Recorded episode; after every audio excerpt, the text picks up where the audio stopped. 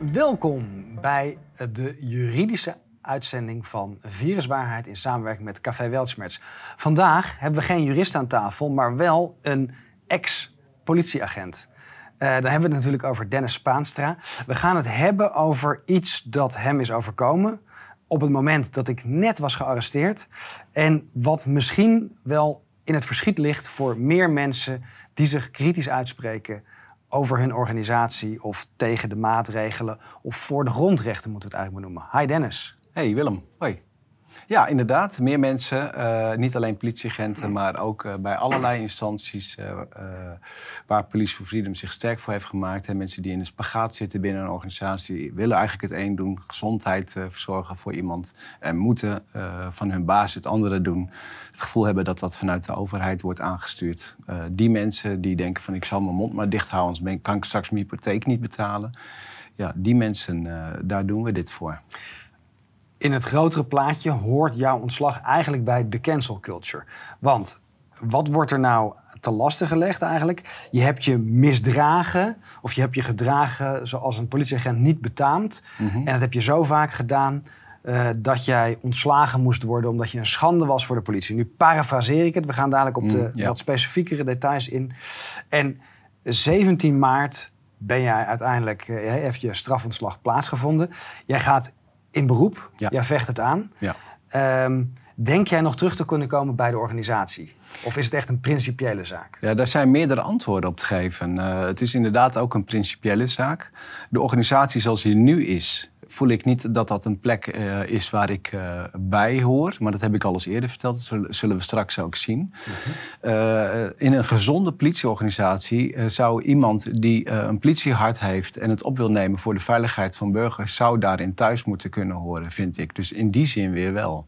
Ja, en juist dat stukje wat jou wordt kwalijk genomen, dat imagoschade, daar ligt misschien wel een grote rol voor jou binnen de organisatie. Ja, gaan we het straks ook even over. Want wat, zien we hier? We zien hier een foto en ik vind die wel opvallend, want ik moest heel goed zoeken. Ik kan jou niet zien. Mhm. Jij bent pixelated op deze foto. En dit is een van de, de marsen die georganiseerd is door de groepering. Want het is geen stichting, hè? Het is, geen, nee, het, is, een beweging. Het is, het is een beweging, inderdaad. Um, Police for Freedom. Iedereen mocht herkenbaar in beeld, behalve jij. Want jij bent verdachte of? Nou ja, ik weet niet waarom uh, dat gebeurt. Toevallig is dit artikel dezelfde dag uh, in de Telegraaf gekomen als dat ik uh, mijn strafontslag kreeg. Dus toen ineens, ja, dat hadden ze misschien ook zo snel kunnen zijn toen er marsen of demonstraties werden georganiseerd. Dat ging langzamer. Dit was dezelfde dag. En daar sta ik inderdaad met pixels. En het, het, voelt een beetje als criminaliseren. Van, dat doe je toch ook met een, een crimineel, hè? met alleen de eerste letter van zijn achternaam. Ja, ja, ja. ja. Zo voelt het een beetje. Alleen hier staat mijn hele naam wel bijgeschreven. Dus ik weet nog niet helemaal hoe ik dat moet zien. Oké. Nou, we, we gaan uh, naar de volgende. Ja, uh, ja. Drie omstandigheden. Van waar gaat het ontslag nou over? Als je het, want ik heb het ook gelezen en het was heel wollig. Het was een heel mm groot dossier waar ik ook mijn vraagtekens bij heb van... hoe is het mogelijk dat de politie zich met dit soort dingen bezighoudt? Want er zit misschien wel duizend manuren in. Um, en er worden heel veel dingen je kwalijk genomen. Maar het was lastig om nou te zien van welke uitspraken of welke gedragingen hebben nu tot jouw ontslag geleid. En we hebben geprobeerd het een beetje te, samenvatten. ja, dat is nog een kunstje inderdaad als je het dossier leest. Hè? Dat, uh, Het gaat alle kanten op. Het was heel wollig en, en absoluut niet juridisch. Uh, we gaan het toch proberen te duiden. Imago-schade, dat wordt jou eigenlijk verweten. verweten dat je met jouw optreden en je uitspraken de politie of het aanzien van de politie hebt geschaad. Ja, klopt. Dat is een van de dingen. Neventaken zou Neventaken. ik hebben Jij hebt uh, allerlei hennepkwekerijen gehad die jij uh, hebt geëxploiteerd. Of ging het over wat je hebt gedaan aan het organiseren van demonstraties? Ja, neventaak wordt uh, gezien als bijvoorbeeld je bent uh, uh, in de horeca veiligheid aan het werk op de grote mhm. markt ergens. En je begint daar zelf een café of je gaat daar ook achter de bar staan.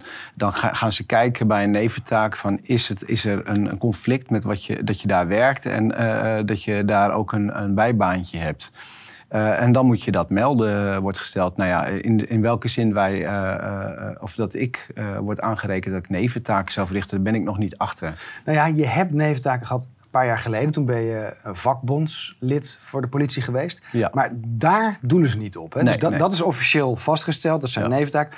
Maar het lijkt erop alsof ze doelen op jouw eh, uitzending met mij. Dat dat Mhm. nevenwerkzaamheden zijn geweest. Ja. Maar vooral het organiseren van marsen voor grondrechten. Ja, En kennelijk is dat een, een heel groot probleem voor de politie. Ja, dat noemen ze een neventaak. En acties tegen de maatregelen. Ook die vind ik heel lastig te plaatsen. Ik heb één filmpje gezien waarbij jij eh, eigenlijk een soort parodiefilmpje eh, maakt. dat je zonder mondkapje boodschappen hebt gedaan. Mhm. En, en voor de rest kan ik je eigenlijk niet betrappen op het oproepen tot, eh, tot het niet houden van de anderhalve meter. Of het handen schudden. Of het geen mondkapje dragen. Dus ook die vond ik heel lastig terug te vinden of te plaatsen, te duiden in die lappe tekst die ze hebben geschreven. Ja, over die, eh, de, dat filmpje met die mondkap, want die behandelen we verder niet, daar zal ik iets over vertellen. Dat was pure satire. Eh, om in beeld te brengen, het- een soort van metafoor te maken met: eh, is het heel crimineel als je zonder mondkapje loopt? Of bijvoorbeeld, is het crimineel als je zonder gordel rijdt? Of ben je een crimineel dan? Hè? En eh, ga je dan steeds criminele gedrag vertonen? Weet je wel? Er werd toch een soort van criminaliteitssluier sluier over eh, Ja. die groep mensen. En dat heb ik eigenlijk een beetje metaforisch in beeld willen brengen. Maar je hebt het ook over je eigen gedrag gehad. Je hebt niemand gezegd van ga ook zonder mondkapje. er. Nee, heb ik niet gezegd. En eh, ik heb me ook niet kenbaar gemaakt als politieagent. Dit heb ik helemaal privé gedaan. En eh, het was ook niet te zien dat ik daar met, eh, zonder mondkapje liep. Ik stond buiten de winkel. En het was ook niet te zien dat ik op de openbare weg reed zonder gordel. Precies, dus nu komen we bij het punt waar we het gisteren over hadden. Er is nog nooit iemand veroordeeld in Nederland puur op basis van alleen zijn eigen verklaring. Dus Nee. dat is een heel zwak punt. Nee. Nou, hoe proberen ze het dan? Dat, dat gaat dan via artikel 10, eerste lid van de ambtenarenwet. Mhm. En wat daarin staat is eigenlijk, en ik vond het heel vreemd om te lezen, maar dat je je als ambtenaar eh, terughoudend opstelt of afziet van het recht op vrijheid van meningsuiting en het recht op betoging. En dan dacht ik, hé, hey, hoe kan dit in die wet staan? Dit, dit schuurt wel heel erg met, met grondrechten. En dat is nou juist waar je je voor inzet. Maar de bijzin kwam er als het eh, in conflict komt met het uitoefenen van je functie. Maar wat is je functie de laatste paar jaar geweest? Nou, eh, eh, op papier dan regisseur. Daar hebben we het dan straks over. Dus dan zou je eerst moeten kijken, zou je dat doen? Is het uitspreken voor een grondrecht in conflict met regisseur? Die dia krijgen we straks ook nog, dus dat zullen we dan. En in de praktijk heb ik helemaal geen functie uitgevoerd. En dat heb ik ook vaker duidelijk gemaakt. Ik ben sinds 2017 in de ziektewet terechtgekomen. En uiteindelijk eh, eh, zijn we nu terechtgekomen eh, met een strafontslag. Ja, en dat vind ik ook een, dat is waarschijnlijk bij de volgende. Ja, dat gaat dan over die, die nevenwerkzaamheden. En daar wordt ook weer een heel wollig verhaal van nevenwerkzaamheden die het imago kunnen schaden van de politie. Dat is één lijn volgens mij. En een andere is van ja, maar je zit in een reïntegratietraject, je bent gedeeltelijk arbeidsongeschikt verklaard. Ja. Eh, overigens door het werk dat je hebt gedaan bij de politie. Hè, dat moet er wel even bij worden Mhm. vermeld. En daarom had je toestemming moeten vragen voor de nevenwerkzaamheden. Maar dan komen we ook weer op de, de, de definitie van nevenwerkzaamheden. Je hebt geen geld verdiend, je hebt geen stichting opgericht, je bent geen vrijwilliger ergens. Dus ja, dit is toch gewoon je vrije tijd die je hebt besteed. Ja, ik, ik, ik zeg altijd gekscherend als ik bij de Vereniging van Huiseigenaren waar we wonen had geroepen tijdens een ALV eh, van eh, laten we trouwens met Pasen met z'n allen en de kinderen lekker paaseieren gaan zoeken. En dat gebeurt vervolgens en iedereen loopt daar en ik loop ook mee. Eh, zou dat dan een neventaak zijn? Ik denk het niet. Het is natuurlijk een beetje chargeren wat ik nou doe. Maar eh, veel meer dan dat heb ik niet gedaan. Dat heb ik ook altijd gezegd. Ik heb mijn mening uitgesproken op internet. En daardoor zijn er bepaalde dingen ontstaan. Een beweging, hè, wat Police for Freedom ook is, dat bestond al internationaal. Eh, volgens mij heb ik niet meer dan dat gedaan. En eh, als je het dan hebt over neventaken, nogmaals het voorbeeld van het, eh, de grote markt. Als je daar inderdaad achter de bar of als portier gaat werken en je collega's zijn aan de andere kant. En dan kan ik me voorstellen dat je zegt: hey, dit, dit loopt niet helemaal lekker samen. Laten we het daar. Meld dat even bij je chef. Ja. En dat is ook een voorwaarde. Het zijn pas neventaken als je het gemeld hebt. Nou, dat heb ik nooit gedaan, want ik heb ze ook nog nooit als neventaak gezien. Ja, helder. En dan de laatste. En, en daar, daar moest ik echt een beetje om lachen. Want dan zie je dat ze, ondanks dat ze er zoveel uur in hebben gestopt, toch nog niet helemaal goed hebben gelezen. Mensen mogen het opzoeken. De APV van Baarn en de APV van Barneveld artikel 2.13 is vervallen. Ja, klopt. Maar ja. misschien bedoelde ze een ander artikel. En dan gaat het over het, het melden van demonstraties. Ja. Dan willen we nog eventjes in herinnering brengen. Het mag niet als vergunningsprocedure worden gezien. Het is je grondrecht om te demonstreren. Hè? Exact. Dus dit is ook een hele opmerkelijke, alsof jij de regels hebt geschonden omtrent demonstraties. Nou, volgens mij, ik heb dat draaiboek gelezen voor wat je eh, eh, bij Hilversum hebt ingeleverd. Daar hebben we toen nog een rechtszaak Mhm, over ja. gevoerd, omdat het werd verboden. Er zijn weinig organisaties die een uitgebreider veiligheidsplan hebben en draaiboek dan eh, Police for Freedom. Nee, klopt. En eh, inderdaad, je meldt het. En dan wordt er een soort van een langzaam aantraject gestart. Waardoor je uiteindelijk in een situatie wordt gebracht dat je ook niets anders meer kan. Dus er komt al een soort van oploop van mensen die zeggen: we willen daar graag heen. En dan verbieden ze het op het allerlaatste Ja. moment. Niet twee weken van tevoren, als je het al hebt gemeld. En dan ga je het naar Apeldoorn verhuizen. En zeg je: nou, oké, we melden het nog wel eh, online, maar niet meer bij de gemeente. We gaan het niet vragen. Recht eh, van demonstratie is een gegeven, zei Halsema. En eh, daar kan niet aan worden getornd. En die stad ging in lockdown, zoals we allemaal nog wel weten. En vervolgens eh, hebben we gezegd van, oké, zijn de redenen geldig eh, daarvoor? Nee, we hadden een plan voor de openbare orde, een plan voor eh, de gezondheid en een plan voor eh EHBO'ers, et cetera. Overigens, later hebben de WOP-verzoeken uitgewezen dat het inderdaad onrechtmatig was. hè, Ja. Dat al die beperkingen die ze op demonstraties wilden leggen er waren, omdat het een bepaald kleurdemonstratie was. En, Hmm. en dat is eigenlijk wat ik hier uitlees van ja, je mag wel demonstreren, maar niet tegen de maatregelen. Alleen daar denk ik dat ze ook weer de plank mislaan, want de Police for Freedom demonstraties waren voor grondrechten en niet Ja. tegen maatregelen. Ja, ik zeg altijd, je, eh, eh, bij een demonstratie mag je hetgeen waar de demonstratie over gaat, kan je niet verbieden. Tenzij het, eh, dat je zegt van demonstreren voor mensen doodschieten, dat kan natuurlijk niet. Maar als je demonstreert voor, we willen graag meer groene truien hebben, dragen, dan kan je niet als je die vergunning eh, eh, gaat eh, geven, of het is geen vergunning, maar een beschikking gaat schrijven als gemeente zeggen van demonstratie is goed, maar eh, je mag geen groene trui dragen. Weet je dat, dat, Ja. dat strookt niet met. En het doel van ons was grondrechten. Recht op demonstratie, recht op vrijheid van meningsuiting. En we weten allemaal vanaf 20 juni dat het gewoon steeds onveiliger werd en steeds minder aantrekkelijk werd voor mensen om zich te, uit te spreken. 20 Eh, juni 2020 hebben we het over. ja, ja, ja. Dus eh, er moest iets gebeuren waardoor eh, er weer de massa die er was in Nederland weer zichtbaar kon worden. Want anders zou je dus... eh, Dus je zegt dat die demonstraties veel meer gingen over de vrijheid van meningsuiting en het recht op demonstreren. En niet zozeer over waar je dan tegen of voor was. Dat was het punt. Exact. We, zijn, we verdedigen niet jouw mening, maar het feit dat je die vrije mening mag hebben. Ja. Dat zeiden we. Die komt straks ook nog naar voren. En dan eh, deze hebben we er nog ingezet. Ja, en, dit is dan waar dat woord plichtsverzuim eh, uitkomt. Hè. En dus het tweede plichtsverzuim omvat zowel het overtreden van een voorschrift... als het doen of nalaten van iets dat een goed ambtenaar in gelijke omstandigheden behoort na te laten of te doen. Dat, dat is een beetje een juridische tekst. Maar dit is dus het zinnetje wat, waar eigenlijk al die andere artikelen aan gekoppeld zijn. Ja. En dan eh, artikel 80, die was ook wel interessant om erbij te zetten. Want het, het juridiseren en er een heel dossier van maken. Mm. Er is ook nog een onafhankelijke, tussen aanhalingstekens, adviescommissie onder leiding van Job Cohen geweest. Die heeft jouw dossier bekeken en heeft gezegd van ja, hij heeft zich schuldig gemaakt aan plichtsverzuim, dus het eh, ontslag is rechtmatig. Maar het dossier was niet compleet. Nee, klopt. Dus- Daar gaan we het nou over Ja. hebben. Hè? We gaan het, het complete dossier inzichtelijk Ja. maken. Nou, een van de dingen die ze noemde was imagoschade. Nou, laten we deze foto zien. Eventjes voor de kijkers. Coronademonstranten onverwacht enthousiast over de politie. Een voorbeeld voor de collega's in het land. Hé, hey, maar wacht eventjes. Dit is toch heel positief voor de politie? Dat zou je wel zeggen. En, eh, dus ze hebben een bloemetje naar het bureau gebracht, eh, staat eronder. Ze hebben volgens mij een pot snoep naar de gemeente gebracht, de eh, demonstranten.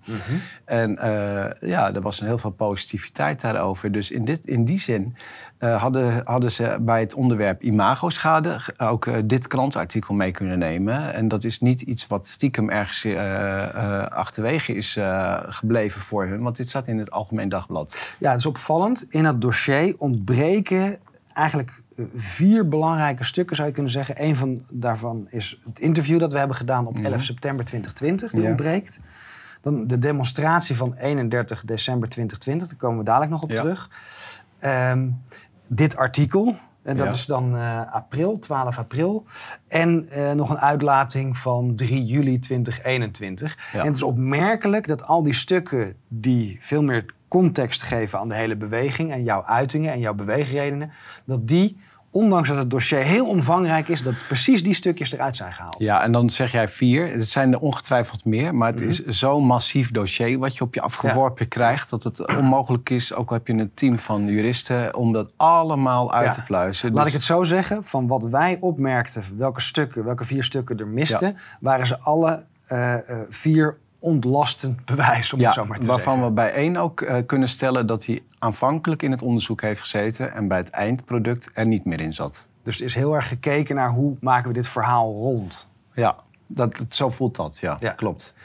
Nog eventjes, want je hebt natuurlijk een hele tijd bij de recherche gezeten. Is dat toegestaan? Hè? Als je meerdere bewijsstukken hebt en één past niet goed in het verhaal, mag je hem dan weglaten? Nou, nee, dat, eh, dat leidt eh, altijd eh, tot vrijspraak. Hè? Ehm, en dat noemen we ook wel tunnelvisie. Dus eh, weet je, je, je denkt een bepaalde uitkomst te zien in een onderzoek. En dan ga je alle dingen die daarbij passen, ga je wel in het dossier stoppen. En de verklaring die daar net niet bij past, die laat je maar even weg. Omdat je denkt dat jij wel weet wat de uitkomst zou moeten zijn. En feitelijk ga je daarmee in de schoenen van de rechter staan. Ja. Ja, ehm, opmerkelijk van wat nou echt het imago schaadt, is natuurlijk het systematisch excessief politiegeweld. En eh, Niels Meltzer heeft zich daarover over uitgesproken. Die heeft daar zelfs een rapport over geschreven. Na twee maanden heeft hij dat gepubliceerd. Het is een bommetje. Eindelijk is het ook op de Nederlandse televisie geweest. Niels Ja. Meltzer is eh, daarover geïnterviewd. Een eh, uitzending van Argos van twee dagen geleden. Komen we daar nog over te spreken. Mhm, Maar als we het dan hebben over imagoschade... politieagenten die als, eh, als, als doldwazen op weerloze burgers instaan te slaan... ja, dat, dat lijkt mij imagoschade. Maar dat is niet wat ze bedoelden met imagoschade. Nee, maar dat is ook eventjes om het in contrast te zetten. Hè? Mhm. Je spreekt je uit voor grondrechten. Je krijgt een lovend artikel in de krant. Mhm. En dan gaan ze het hebben over imagoschade. Hè? En natuurlijk zijn er meer dingen eh, gepasseerd. Maar eh, ik denk dat, dat, dat eh, andersom gebeurt het ook. Er wordt heel erg gefocust Mhm. op het een. Laten we dan een klein beetje tegenwicht geven ook aan het andere. Ja. Want die agenten die zijn... Er is een onderzoek geweest, maar ze zijn nog steeds niet vervolgd... of ze zijn nog steeds niet ontslagen. Dus als we het over imagoschade hebben... eh, komen we over eh, eh, eigenlijk de trigger voor Niels Meltzer om te zeggen... genoeg is genoeg. Mhm. nu, nu moet er een, een rapport worden gemaakt. En dat moet je eigenlijk lezen als veroordeling vanuit de Verenigde Naties. Hij heeft het ook over Duitsland gedaan.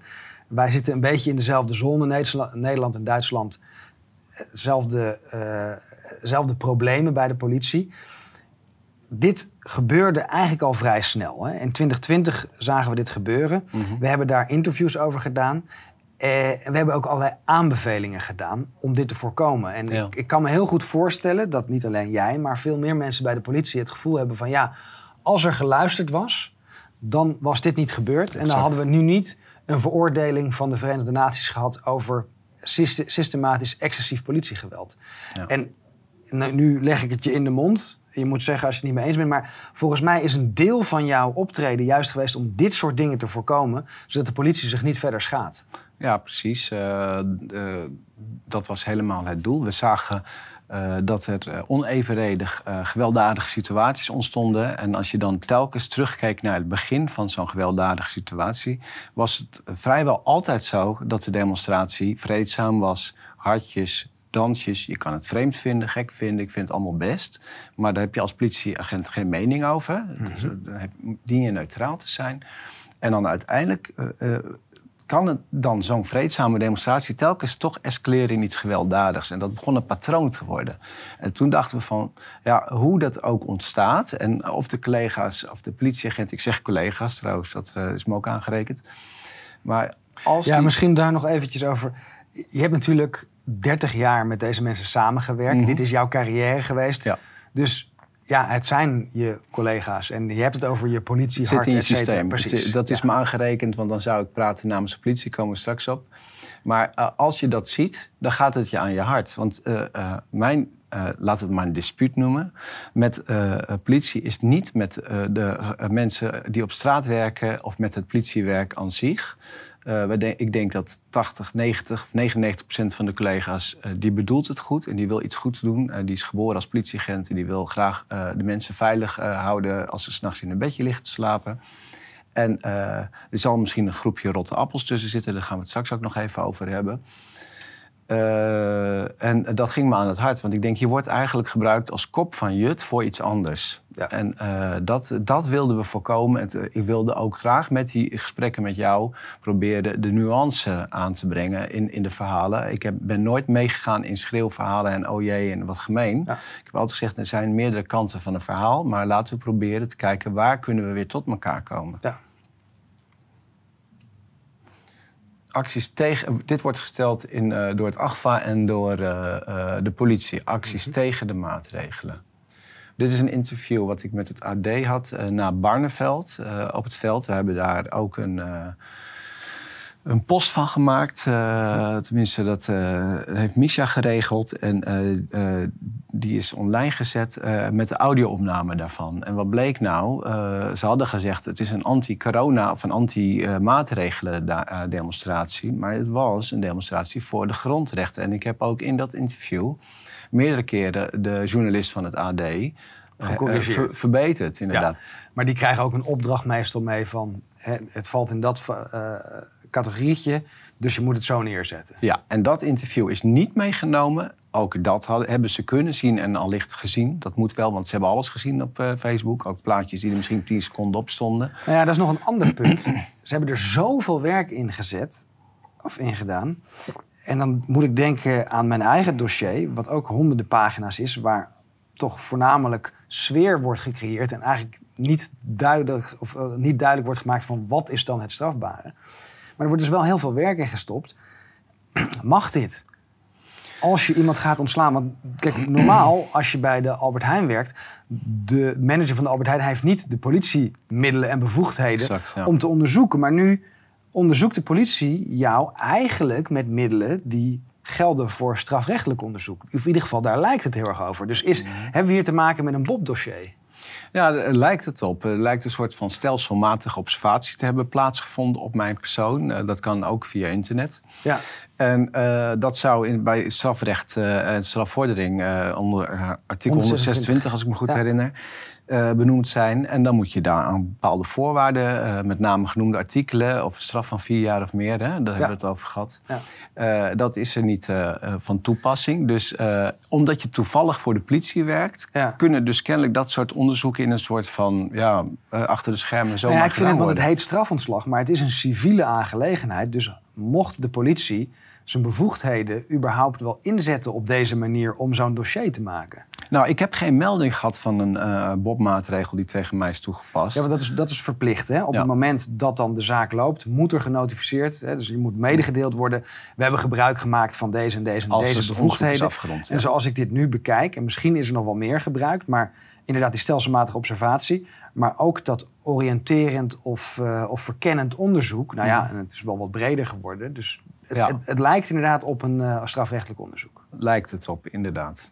Nou, dit is het artikel van het AD. Waarom zijn jullie hier vandaag, zegt hij, om te praten over de grondrechten. Zeg ik, nou, dit is dus uh, gewoon online gezet. Hè? En dan, dan zie je het ook, zo publiceren we dat Mars van de Menselijke Verbinding. staat nergens tegen mm maatregelen of zo. Dat zal je bij ons niet zien.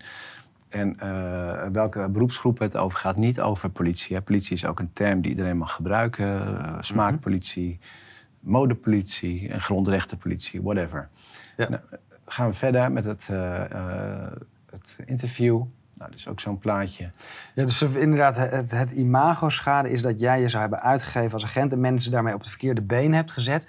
Maar kennelijk ook de verkeerde boodschap hebt gehad. Dat, dat haal ik hier uit van jouw manier van mensen bij elkaar brengen en opkomen voor grondrechten is niet iets waar de politie mee wil worden geassocieerd. Dat vind ik wel vreemd, want volgens mij heb jij een, een eed afgelegd op de grondwet. Mhm. En het logo of het, het adagium is uh, dienstbaar en waakzaam. Mhm. Dit valt toch helemaal in die lijn? Ja, het opnemen voor mensen hun veiligheid en vrijheid. Uh, Dat lijkt mij inderdaad uh, helemaal in de lijn passen. Dus, uh, maar ze zeggen natuurlijk niet dat dat niet past, hè, die grondrechten. Zij zeggen dat mhm. ik me tegen de maatregelen heb gekeerd en die daardoor de handhaving daarvoor in gevaar heb gebracht. Nou, ik heb me nooit tegen de maatregelen gekeerd. Police Freedom heeft dat nog nooit gedaan, zullen we straks ook zien. Uh, het artikel gaat verder, dat interview is woordelijk uitgewerkt. Dat hebben zij niet gedaan, ze hebben het niet eens toegevoegd, maar wij hebben het woordelijk laten uitwerken. En daar staat in, en in zijn algemeenheid tegen coronamaatregelen, zegt de interviewer, want die wil daar toch naartoe. Ja.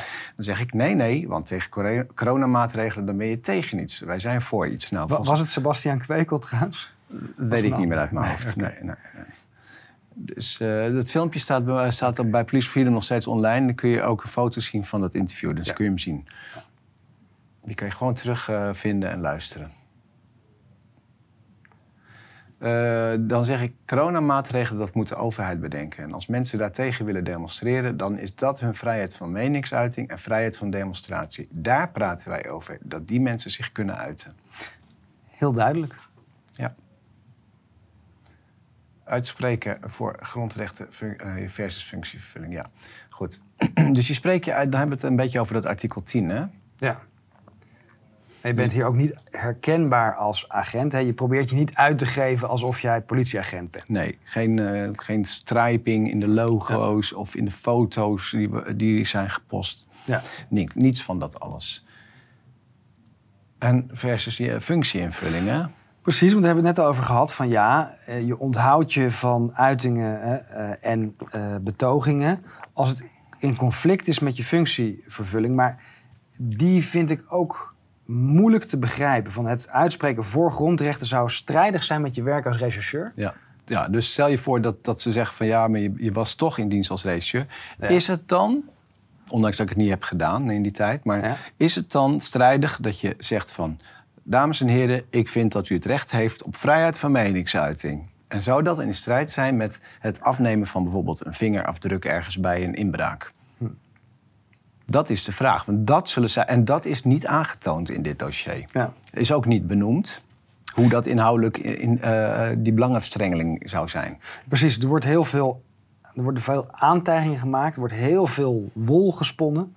Maar er wordt niet concreet gezegd, dit gedeelte is een overtreding van dit artikel. Nee, nee er, wordt, er wordt totaal geen inhoudelijke omschrijving. Dus het is in de, ik noem dat het Lucia de B-effect. Ja. Uh, er is zoveel fout uh, er is zoveel gevonden door ons, dan moet het wel fout zijn. Nou, dan weten ze bij Lucia de B is dat helemaal misgegaan, hè? ook bij de rechter eerst. Uh, ja, ik zou me dan hebben uitgegeven, zegt AGFA ook, als, als politiefunctionaris. Nou, dat laten we dan straks zien. Deze foto heb ik erbij gedaan. Die heb ik me heel even online gehad en snel weer offline gehaald. Ik vond het zelf niet echt een hele charmante foto. Maar het, het, ze hebben hem toch gevonden. Je bent in ieder geval niet bezig om je uit te geven als politieagent? Nee, dit is met een, zelfgevouwen uh, hoedje, hoe heet dat? Aluminiumhoedje, ja. aluhoedje.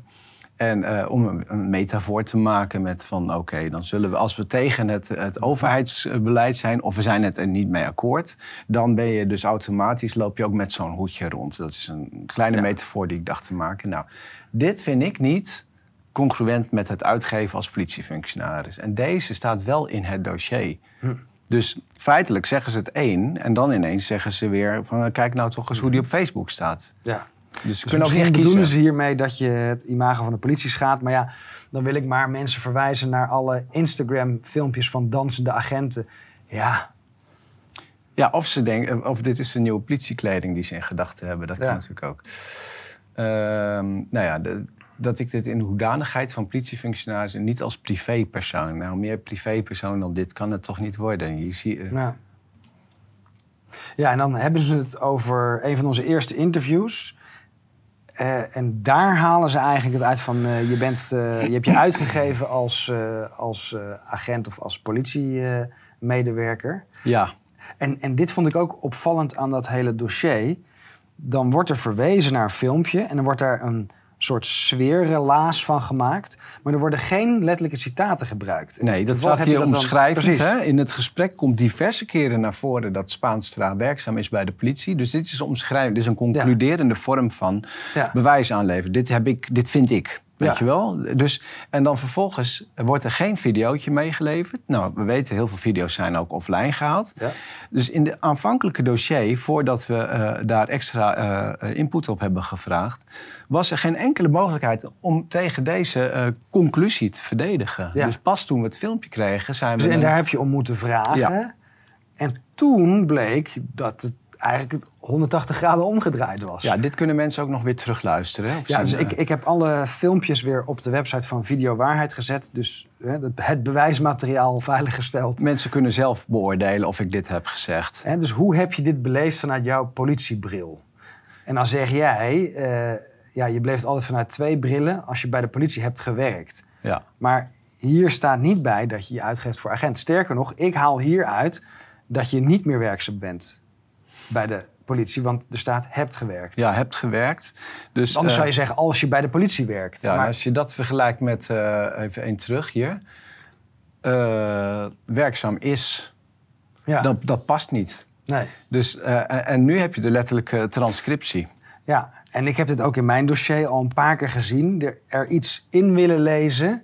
En als het dan niet klopt met het letterlijke, dan laten we het letterlijke weg. En dan gebruiken we alleen nog maar de interpretatie. Ja, maar dit is wel. En daar staat dit- het dossier zit- vol mee. Ja, dit zit echt dicht bij bewijsvervalsing. Naar Vind ik wel. Want het Ja. is de eerste keer in het gesprek, misschien komt het vaker te sprake, de politie, maar hier wordt mee geopend. Daarvoor komt de politie niet te sprake. Ja. Dus eh, ik denk dat het, het begin waar je mee introduceert, dat dat het meest belangrijke moment is. En Ja. Mhm. volgens mij wordt het later ook nog steeds beter. Maar in ieder geval in het begin, de allereerste keer, wordt het gelijk Ja. duidelijk, heb gewerkt. Nou, anti-overheidssentimenten. eh, Dat is worden- ook iets wat jou wordt kwalijk genomen. En dat vind ik ook een hele enge. Mhm. Er wordt gezegd, je laat je in met mensen met duidelijke anti-overheidssentimenten. Ja. Viruswaard wordt genoemd. Ik word zelf ook nog bij naam genoemd. Mhm, Vaker dan eens, ja. Vaker dan eens. Ehm, maar er wordt ook weer niet concreet ge- eh, geduid van... maar waar bestaat dat dan uit? Zijn er lijsten met anti-overheidsmensen? Hebben we overigens om gevraagd. Ja? Ja, dat komt zo. Nou, ik neem het u kwalijk. Dat is al een persoonlijke mening. Hè? De- Ja. hier, dit is de sectorhoofd eh, van eh, Midden-Nederland, geloof ik, die dit zegt. Ja, en hij herhaalt het, ik neem het u kwalijk, volgens mij wel tien keer in Ja. het hele stuk. Ja. Alsof hij een kind toespreekt van het stoute gedrag. Ja, ja, dus zijn mening is dit. Ja, Maar ik kan me niet voorstellen dat in Nederland een strafontslag eh, kan worden gegeven aan iemand... omdat iemand een sterke mening over jou heeft. Ja. Want daar lijkt het nou op. Ik neem het u maar kwalijk. dan wordt het ook de pot verwijt de keten. Want jij hebt een mening en hij zegt... eh, je hebt een te sterke mening en die vind ik niet leuk. Dat is Nee. ongeveer het, het, het jijbakniveau waarop het eh, is beland dan. Ja, klopt. Anti-overheidssentimenten zoals viruswaarheid. De, wij hebben toen een lijst opgevraagd van... Mhm. oké, laat aan de politieagent... eh, laat zien hoe een politieagent of iemand die daar nog onder die organisatie valt... dan kan weten of hij met een anti-overheidsorgaan te maken heeft. Hè? Want er bestaat er bijvoorbeeld een, eh, net als bij sportscholen heb je een witte lijst van sportscholen, daar mag je heen. En anders niet, weet je, want anders dan loop je risico dat je tussen de criminelen begeeft. Nou, helpen we je een handje.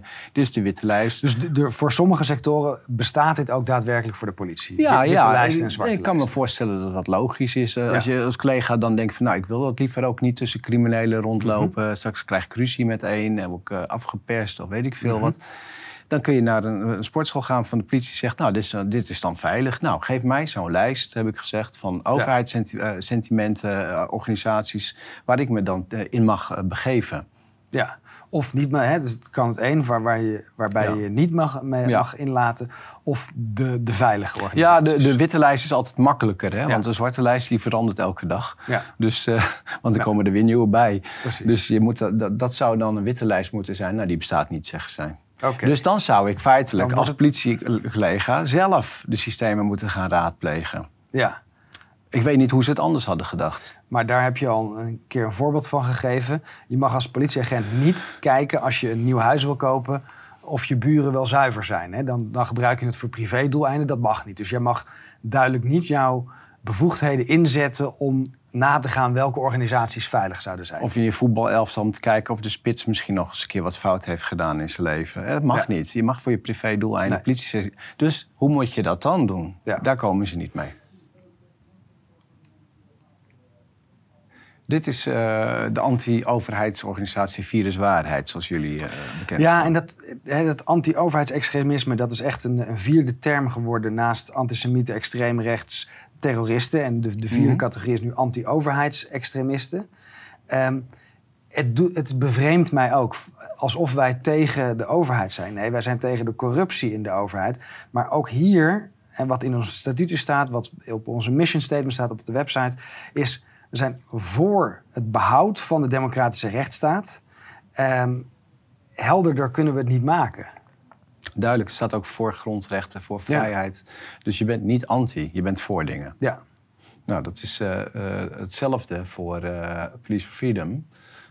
Die, hebben een aantal, die hebben een mission opgeschreven internationaal. hè. Police for Freedom zit over de hele wereld, van Australië tot en met Amerika, Canada, Spanje, Scandinavië, overal. En al die politieagenten hebben bedacht, die daar onderdeel van zijn, van de mission is als volgt: protect and respect the freedoms and fundamental rights of everyone. Dus dat is het beschermen van je grondrechten eigenlijk. Hè? ja.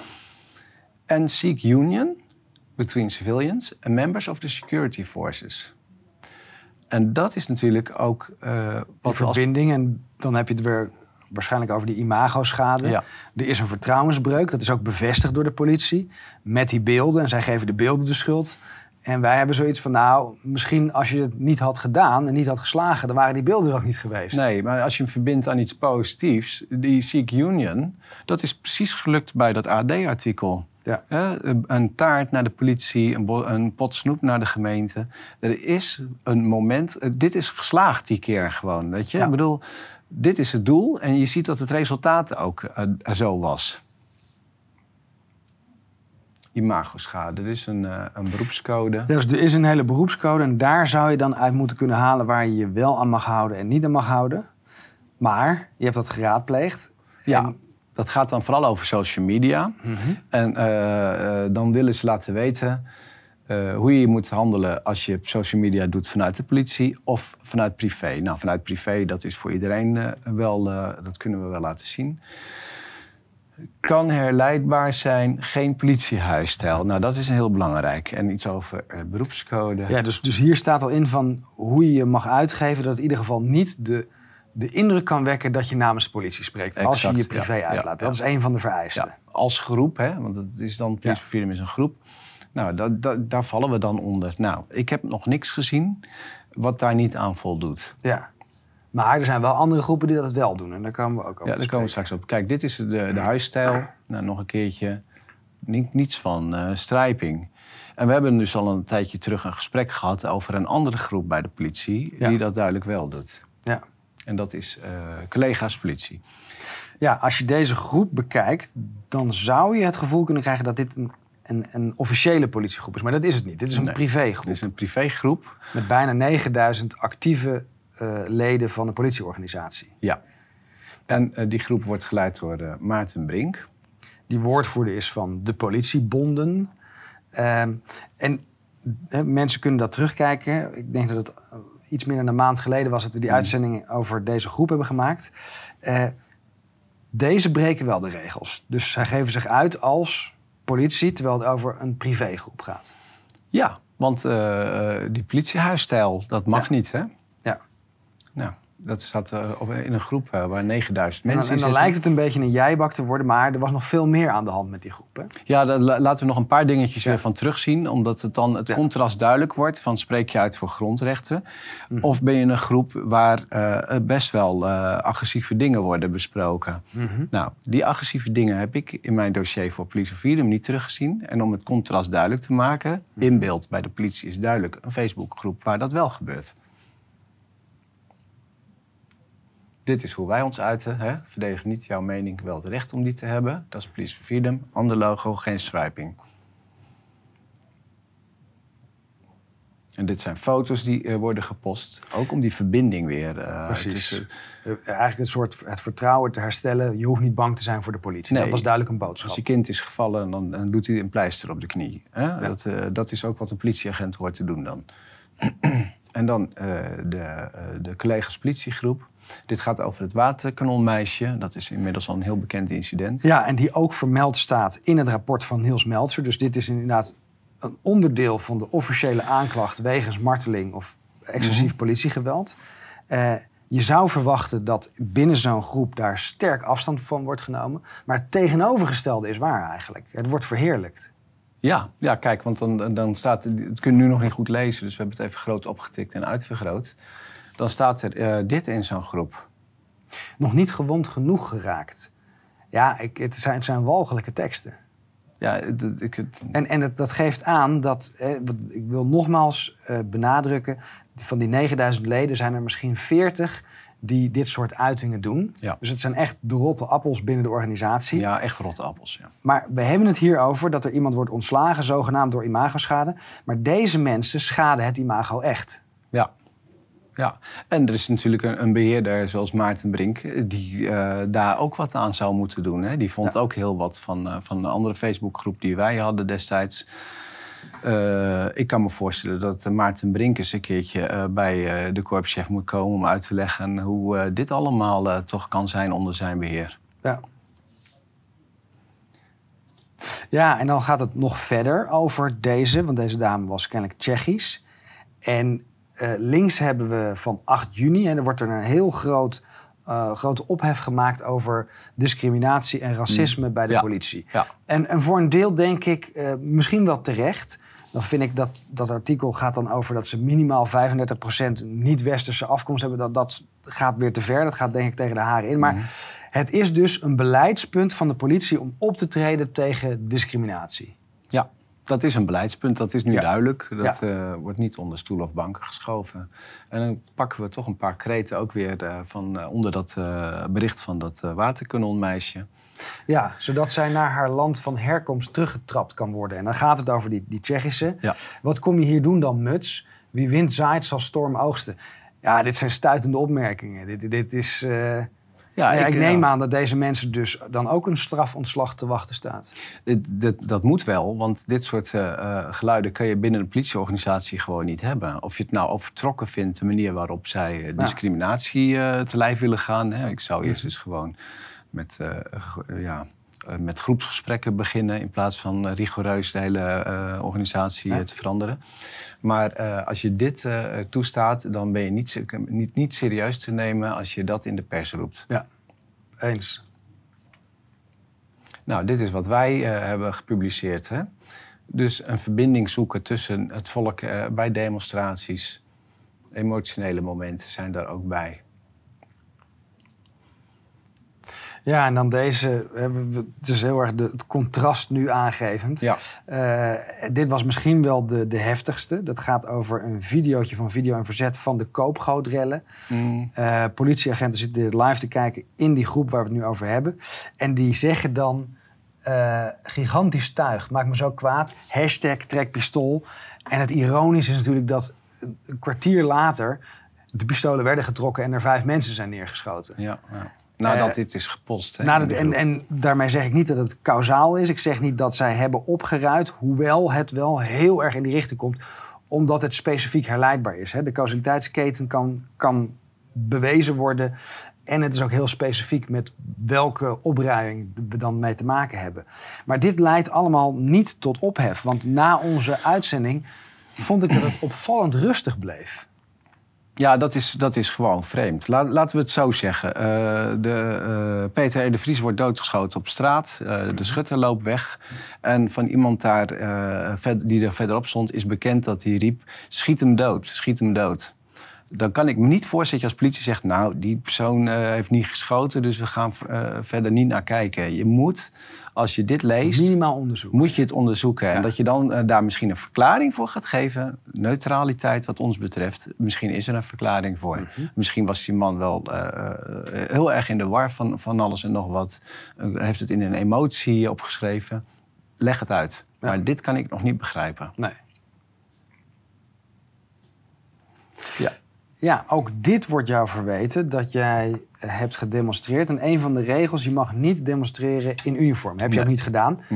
Maar, Ook niet toe opgeroepen Ja. trouwens. Dat heb je ook in dat, eh die aanvraag gelezen. ja, Ja. hier zien wij een demonstratie van de politie op 6 februari van dit jaar. Ze zouden hem eigenlijk op 2 januari doen. Die ging niet door. En toen waren ze nog heel trots dat ze een demonstratie verboden hadden gekregen van ons, zeg maar. Dat was via bondsbrieven te lezen in Rotterdam, ja. dat klopt. was via bondsbrieven te lezen. Hier staat Gerrit van der Kamp. Die is dan wel in burger. Dus hoe moet ik deze demonstratie van 6 februari zien? Is dat er vijf mensen aan het demonstreren waren voor betere CAO... en dat die begeleid moesten worden door 30 ME'ers. Ja, en eh 10 ME-bussen. En 10 ME-bussen, ja. Ja. Oftewel, dit is gewoon een demonstratie van de politie, toch? Ja, kijk, de, eh, de gelijke monniken gelijke kappen. Ja. Als jij stelt eh, van eh, demonstreren gebeurt op persoonlijke titel niet in uniform, dit schrijft dat sectorhoofd op. Hè? Ja. In mijn strafontslag. Terwijl Ja. als je eh, goed kijkt, dan zie, heb je nog nooit een, een politieuniform gezien Mhm. eh, bij een Police Freedom Mars. Ja. En hier dus wel. Ja. En dan wordt het in mijn strafontslag opgeschreven. Ja. Nou, het is heel duidelijk dat de neutraliteit die wordt geclaimd... en waarvan jij van wordt beticht dat je die niet houdt... Eh, dat daar helemaal geen sprake is van enige neutraliteit. De politie dient de macht en dient de, de, de grootgrondbezitters... waar we zo dadelijk eh, op komen. En komt dus niet op voor de burger en is niet eh, dienstbaar en, en, en waakzaam. Dat heb ik ook eh, in het begin als titel gegeven. De politie verkwanselt zijn neutraliteit. Ja. Als je telkens kant blijft kiezen voor iemand die toevallig jouw salarispotje beheert. En niet de kant van het volk of een neutraliteit daartussen. dan ga je uiteindelijk eh, eh, daarop afgerekend worden door het volk. Eh, ik zeg niet met agressie, maar ze gaan je niet meer serieus nemen. Deze uitzending is pas geweest. Hè? Twee dagen geleden bij Argos. Mensen kijken. Het geeft namelijk een heel goed beeld. Niels Meltzer is heel duidelijk. Hè? Die kan heel goed duiden wat er aan de hand is, wat de hoofdzaak is, wat er bewezen is, hoe die tot zijn conclusie is gekomen, waarom hij de uitingen heeft gedaan zoals hij ze heeft gedaan. Dat onderbouwt hij fantastisch. Maar de andere kant, dan zit er een, eh, een, volgens mij een gedragswetenschapper, die zegt van ja, er is een vertrouwensbreuk en dat moeten we herstellen. Maar dat komt doordat de filmpjes zijn gepost. En die moeten we dus tegengaan. Maar dit Ja. is, en dat laat echt zien het totale, de, de totale disconnect van de mensen in de top van het bestuur van de politie.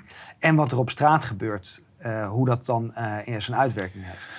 Ja, dat is dezelfde logica. Ik heb geld van jou gepikt en er was nooit een probleem geweest als niet iemand de videobeelden had laten zien, zeg Ja. maar, weet je wel. Dan, had, eh, ja, dan was er niet zoveel ophef geweest. Nou Ja. is er ophef kennelijk omdat iemand de videobeelden beoordeelt. En dat is Niels Meltzer, die doet dat voor 193 landen en is eh, werkzaam voor de VN. Eh, hadden we het niet vanaf zien aankomen eigenlijk uit die hoek. Maar het gebeurt wel. En eh, ik vond dit een hele goede uitzending van Argos. Niet zozeer om de conclusies die ze zelf trekken, maar ze laten alles wel zien. Ja. Dus als je nou eens naar die aflevering kijkt en je gaat je eigen conclusies trekken zonder eh, de voorgeschotelde conclusies, dan is het best een hele goede uitzending. Ja, nou vooral Niels Meltzer zijn optreden. Ik vind andere gedeelten van de uitzending zwak, omdat ze heel erg ingaan op de zender en of die geloofwaardig is, Ja. in plaats van de inhoud. Waar hebben we het hier over? Excessief politiegeweld dat systematisch is en dat wordt afgedekt door de politie. Ja, dat is de truc die je altijd ziet. Als, als het hoofdonderwerp niet, in, eh, niet, niet lukt, en dat zie je ook eh, in politieverhoren altijd terug, dan gaan mensen proberen over bijonderwerpen te praten. Van het kan toch niet zo zijn geweest, want eh, ik voelde me die dag niet eens lekker, weet je wel. Ja, maar dat is niet relevant. Er is dit en dit gezien op de video, weet Ja. je wel. Dus we willen het hebben over het feit. En elke keer zie je wel in dat Argos-uitzending van, oh, ja, daar hebben we het straks over. Ik zal hem doorswitsen. Ja. Eh, nou ja, hij zegt ook van eh, excessief geweld en eh, absurd. Je kan niet concluderen, of onmogelijk concluderen, dat dit geoorloofd was. Ja, want dat is een van de argumenten. De politie zegt van ja, maar men moet het grotere plaatje bekijken. Je krijgt maar momentopname. Je weet niet wat er voor is gebeurd. Maar hij merkt heel terecht op: het is niet relevant wat er voor, voor is gebeurd. Als iemand eh, buiten gevecht is geschakeld en gepacificeerd, mag je hem niet meer doorslaan. Dat Mhm. Nee. zijn de regels. Je ziet op een van het filmpje waar hij heel erg op doelt, eh, is een man, eh, wordt, terwijl die wordt geslagen en hij ligt al zo op de grond. Ja. Eh, wordt er met woedepogingen, want dat lukt ook nog helemaal niet gelijk, een, hond- een hond ongeveer bij zijn oren gepakt om hem op zijn been te zetten. Nou, Ja. dat ziet er niet uit. Ja. Dat kan je niet eh, verkopen als zijnde van eh, dit is nog ergens voor nodig. Hè? Hij is uitgeschakeld, ook al voel je heel veel emoties. Uh, het enige argument waarmee je daar weg zou kunnen komen is noodweer excess. Dat is eigenlijk een strafuitsluitingsgrond uh, die ook bestaat. En naast noodweer heb je noodweer excess. Dan is er zulk uh, gruwelijk leed over je heen gekomen. je vrouw ligt dood, bloeden naast je. En dat je dan bepaalde handelingen gaat doen die niet meer helemaal ehm, ja. congruent zijn met uh, was mensen. duidelijk niet het geval? Nee, dat was hier niet het geval. Althans, uh, er wordt nimmer zo'n situatie uh, geduid door de politie. Dat er zoiets gaande was. Die collega is helemaal zijn kluts kwijtgeraakt. Want kijk, daar ligt die politieagent bijvoorbeeld dood. En dat geeft hij ook nog aan van... het kan zijn dat hij een fout heeft gemaakt... maar geef het dan toe, want anders kan je het niet verbeteren. Nee, precies. Nou, dan gaat het onderwerp verder. En dit is ook wat je in mijn uh, strafontslag ziet. Een rookgordijn. Dus dan gaan, uh, ze zeggen van... Ja, u heeft een interview gegeven aan de andere krant... en dat is een alternatieve krant. Nou, we weten allemaal dat uh, de uh, Telegraaf en het de AD niet zo... is ja, bedenkelijk. Ik vind het ook niet echt prettig om daarmee te praten. Je weet maar nooit hoe het in de krant komt. Hè? Dat, dat is gewoon. Dat hebben we ook met het audiofragment nou aangetoond. Ja, en dat was ook Niels Meltzers een verdediging. Zo van, ja, maar ik, ik moet 193 landen in de mhm. gaten houden. Het politiegebeuren, niet het mediagebeuren. Als ik letterlijk word geciteerd in een krant ben ik tevreden. En ik denk dat dat ook terecht is. Dat zegt hij dus ook. Ze, ze zegt ja, maar de andere krant heb je ze wel uitgecheckt. En dan zegt hij, nou ja, het maakt me niet zo heel veel uit. Maar uh, waar ik wel naar heb gekeken is van... hebben ze het interview dat ik heb gegeven zo uitgezonden zoals ik het heb gegeven? En dat is zo, zegt hij. En dan gaat die interviewer ook gelijk door... Uh, daar niet op dat wat hij dan zegt, maar van uh, over complotkranten en weet ik veel. Dus ze gaan het hele tijd over bijzaken hebben. En hij zegt, nee, want ze hebben gewoon precies weergegeven wat ik heb gezegd. Dus welk probleem is er? Ja. Nou, dit is een. Uh, Ook actueel. Er zijn allerlei boerenprotesten. Uh, de klimaatdrammers die vinden dat er veel harder moet worden opgetreden tegen de boeren. ik denk niet verstandig is. Ik moet zeggen, op enkele gevallen na met het visserschip... vind ik dat de politie zich redelijk terughoudend opstelt naar de boeren. misschien heeft het te maken met dat ze uh, de boeren toch als een iets serieuzere tegenstander zien, fysiek gezien, dan de uh, coronademonstranten. Die zijn makkelijk te mappen natuurlijk. Uh, maar hier worden ze geridiculiseerd en daar wilde jij wat over zeggen. Ja, kijk, dit is een post van Misha. Die, die heeft dat gisteren, mijn vrouw, die heeft dat gisteren online gezet. En we weten inmiddels wel van uh, social media dat als je iets online zet wat zij niet willen, dan gaat dat gewoon niet verspreiden. Hoe, goed je, dus, hoe mooi je ook iets schrijft, hoe leuk het filmpje ook is. Facebook is een, is een farmaceutisch bedrijf, dat weet niet iedereen, maar de Chan Zuckerberg Foundation die heeft miljarden geïnvesteerd. Dus als je iets negatiefs plaatst over de prikjes, dan word je gelijk eraf gegooid. Ja, dus als ze niet willen dat het verspreidt, dan verspreidt het gewoon niet. Punt. Daar zijn we het over eens. Dan heb je misschien één like van je, van je eigen man. Weet je wel? Dus uh, ja. dat is niet gebeurd. dit filmpje is bij haar binnen een dag uh, bijna 100.000 keer weergegeven. En 1185 keer gedeeld. Inmiddels zal die over de 100.000 zijn, denk ik. Uh, het punt wat ik daarmee wil maken is van politie, wordt nou wakker. Ze willen dat jullie. Hier worden ze geridiculiseerd. En als ik daarbij had gelopen, had ik zelf ook om kunnen lachen met het filmpje. Het is grappig. Maar wat feitelijk de poging is natuurlijk van social media. is om uh, uh, weer tweestrijd uh, te zaaien. En, en zorgen hier als incompetent eigenlijk neergezet. Ja, en dan krijg je dus dat, dat, dat de, de polarisatie juist sterker wordt... waar wij als Police for Freedom proberen dat... Ehm, eh, de, de partijen dichter bij elkaar te brengen. Ja. En je kan nog e- een stapje terug doen. Waarom worden ze überhaupt op deze schaal ingezet? Eh, er zijn boerenprotesten. Het is een groot maatschappelijk uh, debat. Ja. het, het, het leeft.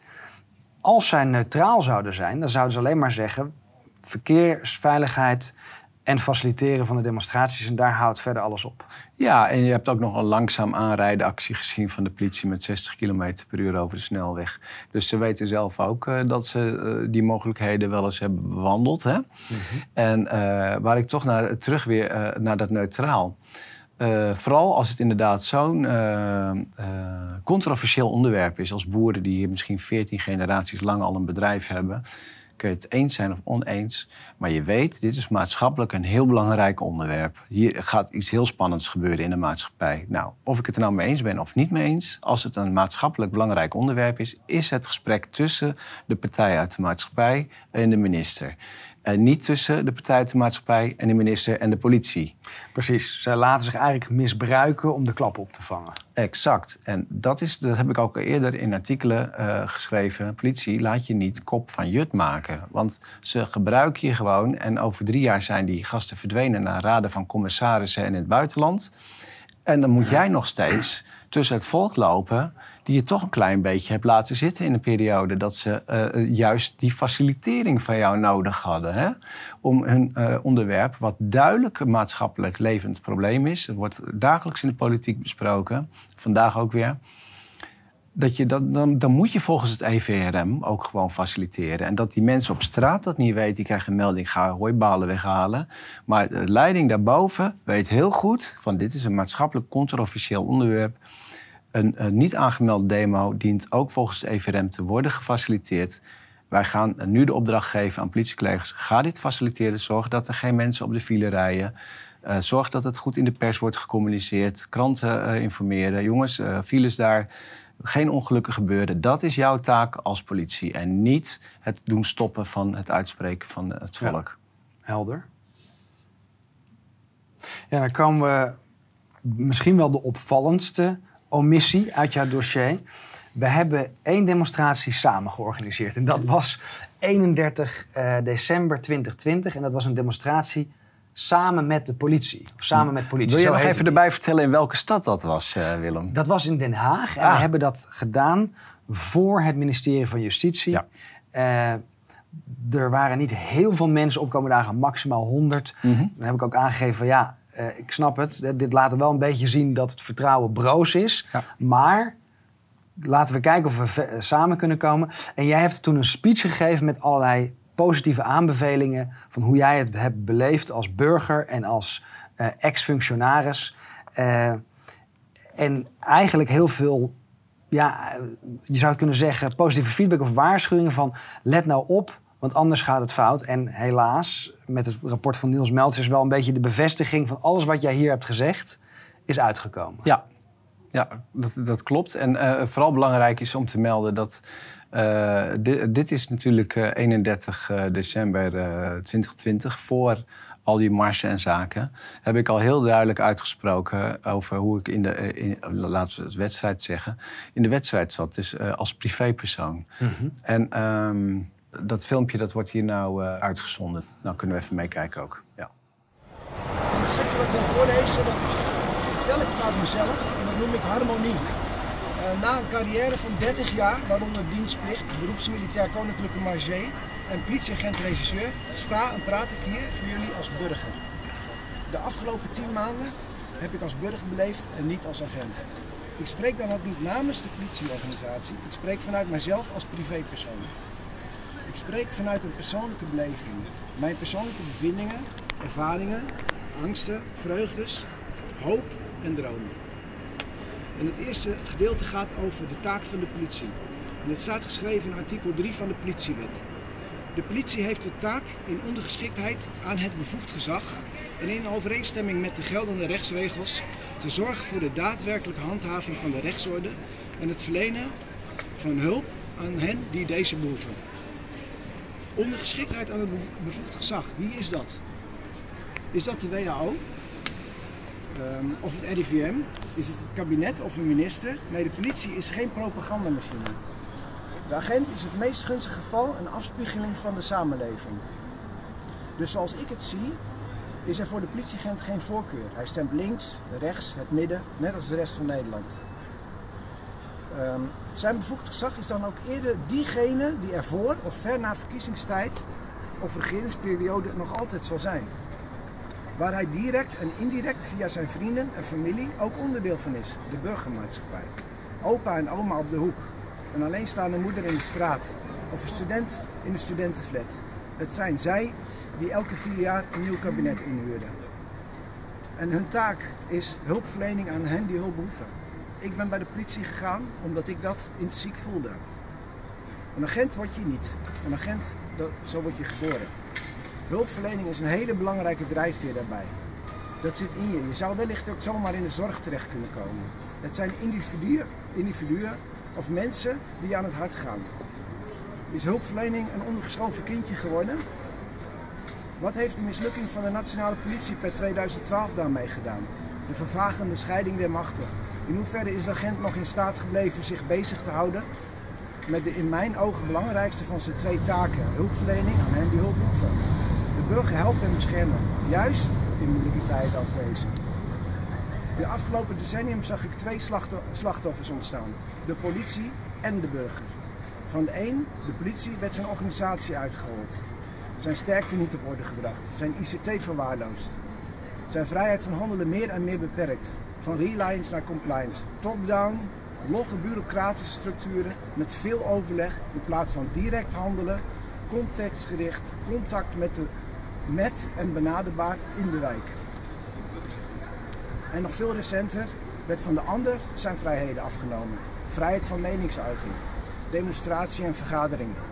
Lichamelijke integriteit staat al op de tocht. Ik weet dat heel veel agenten dit aan het hart gaat. Mijn achtergrond zie ik helaas maar o zo duidelijk. Met mijn achtergrond zie ik o zo duidelijk hoe de burger en de politie tegen elkaar worden opgezet. Door falend bevoegd gezag. Maar laten we niet vergeten dat bevoegd gezag wordt ingehuurd door de burger. Ze is na vier jaar weer verdwenen en de burger zit er dan nog in de steden, dorpen en wijken en straten waar de agent de rest van zijn carrière ook zal vertoeven. Laten we niet toestaan en laten gebeuren dat we allemaal tegen elkaar worden opgezet door een kabinet dat er nu toevallig even zit. De Zwarte Piet discussie was mijn eye-opener. Waar ik zag hoe massaal door de media gestuurd en afgeleid raakte van waar het echt om gaat. Harmonie, gezonde leefstijl, sociale gezonde leefomgeving met je club, collega's, vrienden en familie. Maar vooral samenhorigheid en verbinding. Een mooie en veilige toekomst voor je kinderen. Met normen en waarden waar sinds de Tweede Wereldoorlog hard voor is gestreden. Dus ook, of liever juist, de politie samen met de burger. Dus laten we van dit oud en nieuw vooral in harmonie en met respect voor elkaar iets heel erg moois maken.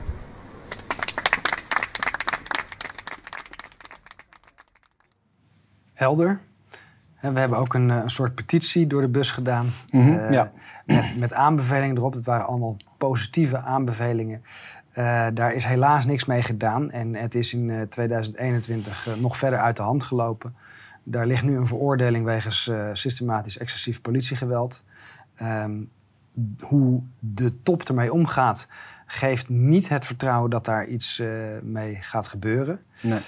Um, wat, wat, zie jij als, uh, als toekomst of als verbeteringsweg?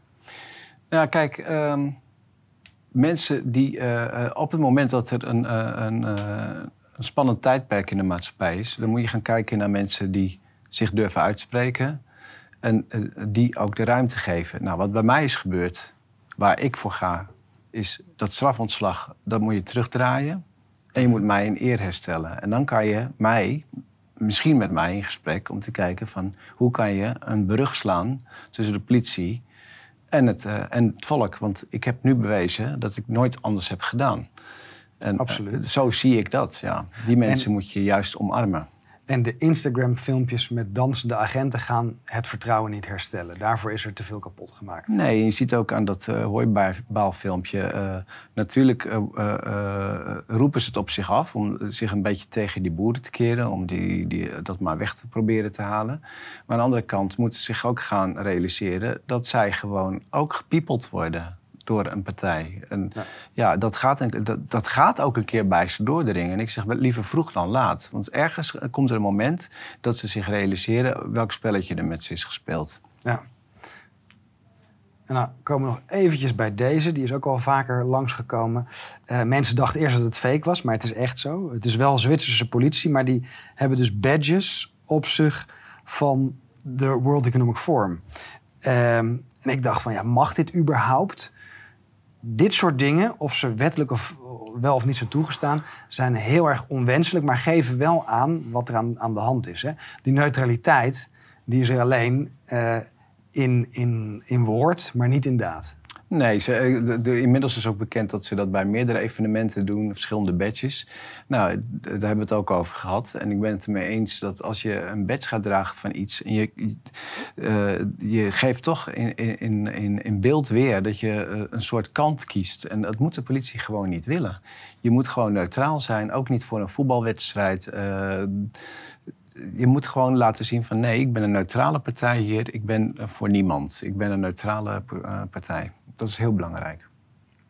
En deze hebben we dan. eh, deze is ook zelf gemaakt. Eh, dit is natuurlijk niet echt. Maar Even erbij zeggen, inderdaad. Ja. maar dit geeft aan... politie is er nu voor de machthebber en de grootindustriële...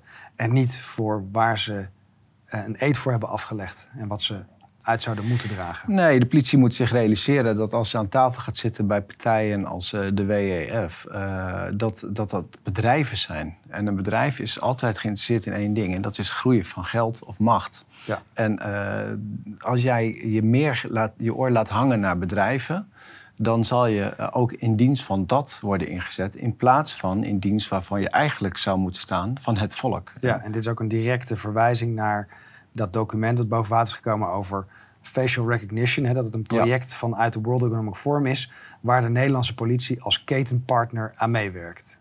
Ja, en eh, als dat in dienst is van het geld, dan zeg ik, eh, dan moet je het niet willen. Is het in dienst van veiligheid, zou het misschien helemaal niet zo slecht zijn. Maar we weten allemaal dat soort systemen altijd gedoemd zijn om misbruikt te worden.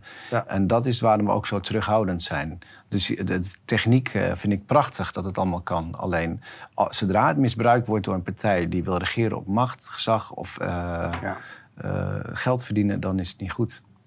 Helder.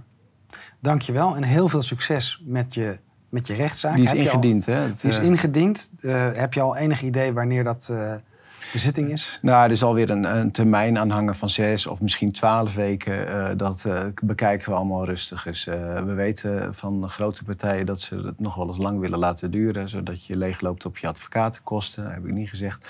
Maar eh, het traineren is niet onbekend. Alleen wij zitten niet op die manier in de wedstrijd. Er is een, eh, een, een hoger doel en dat is gewoon aan andere collega's eh, en aan de maatschappij laten zien eh, hoe het gaat, zodat het opgeschreven kan worden en dat we in de toekomst daarvan kunnen leren. Dankjewel. Ja, jij bedankt.